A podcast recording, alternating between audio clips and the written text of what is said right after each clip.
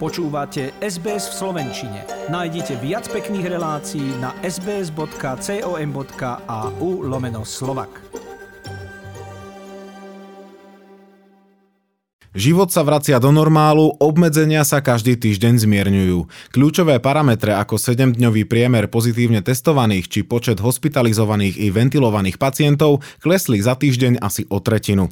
Hovorí Matej Mišík, riaditeľ Inštitútu zdravotných analýz Ministerstva zdravotníctva. Tempo e, poklesu sa mierne zrýchlilo. Veľmi podobná priaznivá situácia je aj v okolitých krajinách, čiže aktuálne z tých okolitých krajín e, nám taktiež neprichádza nejaká, nejaká akutná hrozba. O 12% sa zvýšil počet očkovaných ľudí. K dosiahnutiu kolektívnej imunity potrebujeme zaočkovať ešte 2,5 milióna obyvateľov. Do zoznamu vakcín pribudne najneskôr 8. júna aj neregistrovaný ruský Sputnik. Igorovi Matovičovi sa napokon podarilo presadiť svoj zámer. Bola to len otázka času. Zdravý rozum kázal, aby k tomuto momentu sme dospeli a je tu niekoľko stotisíc ľudí určite, ktorí sa nebudú chcieť očkovať inou vakcínou ako Sputnikom. Aktuálne štát doľaďuje detaily, ako sa bude objednávať na Sputnik a kde sa ním bude očkovať. Vakcína funguje na rovnakom princípe ako tá od AstraZeneca. Ide o vektorovú vakcínu, potrebné sú dve dávky. Sputnik je určený pre ľudí od 18 do 60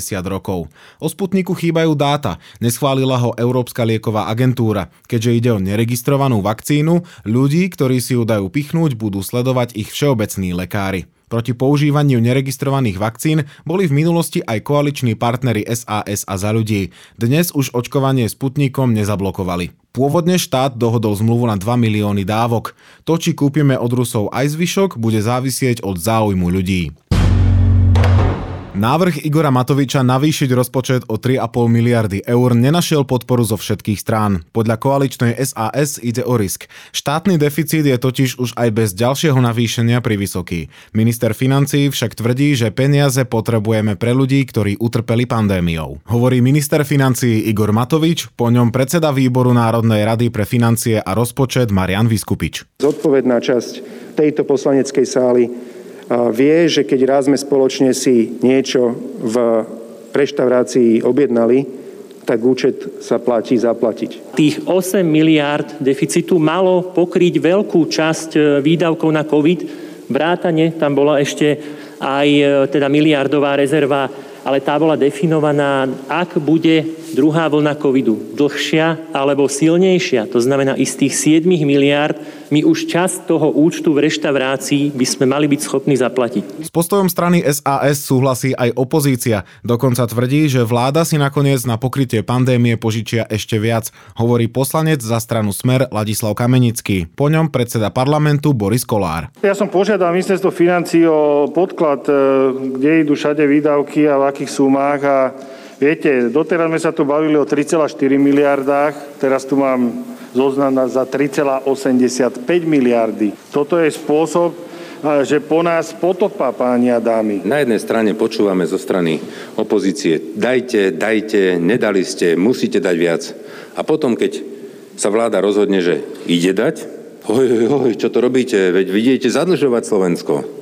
Tak si to prosím túto túto schizofréniu raz a navždy nejako vyjasníme. Liberáli z SAS mali ešte v posledných dňoch snahu znížiť navýšenie rozpočtu. U ministra financií však nepochodili. Napriek tomu, že strana SAS sa rozhodla navýšenie rozpočtu nepodporiť, vládna kríza pre túto roztržku nehrozí. Liberáli svoj postoj prezentovali aj na koaličnej rade a zvyšné vládne strany to akceptujú. Sme rodina, Oľano a za ľudí majú dokopy dostatok hlasov, aby návrh Igora Matoviča prešiel.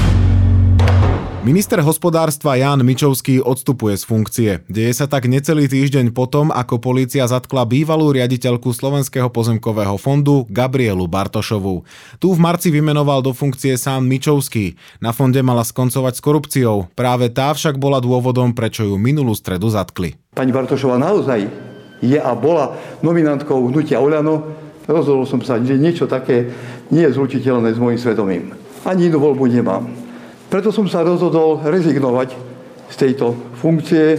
Podľa šéfa rezortu je zadržanie Bartošovej dôkazom protikorupčnej politiky hnutia Oľano. Rezignáciu ministra pôdohospodárstva Jana Mičovského privítala najmä opozícia. Poslanci ho chceli v parlamente odvolávať, nestihli však vyzbierať dostatok podpisov do jeho rozhodnutia.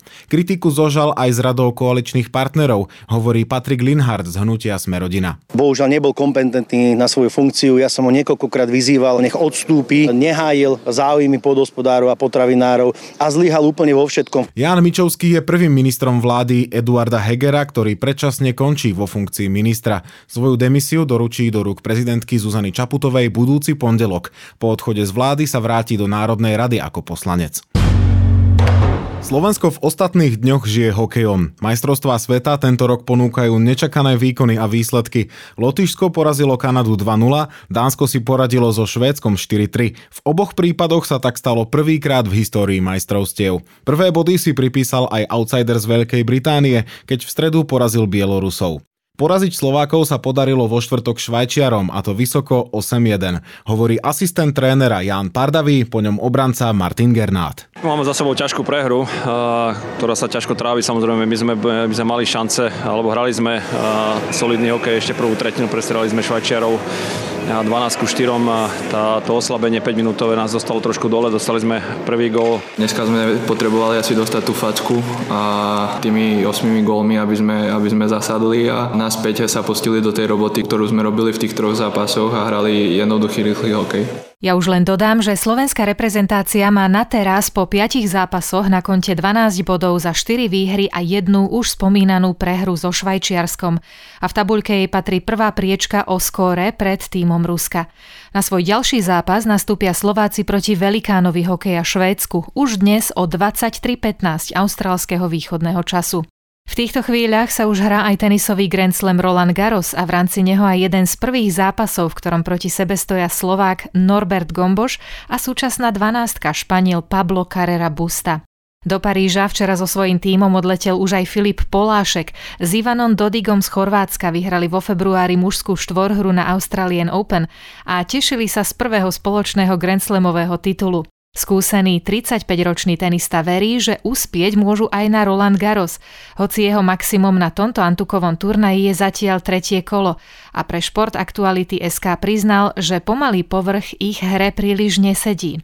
Ivan Dodik však má doma už aj trofej z Roland Garros. V roku 2015 ho ovládol s Marcelom Melom z Brazílie.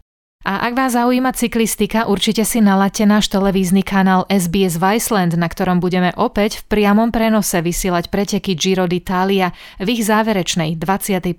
etape, ktorá má rovinatý charakter a v ktorej si pôjde Peter Sagan po svoje celkové víťazstvo v bodovacej súťaži. Televízny prenos sa začne už o 2 hodiny 21.15. Páči sa mi? Zdieľajte, komentujte, sledujte SBS v Slovenčine na Facebooku.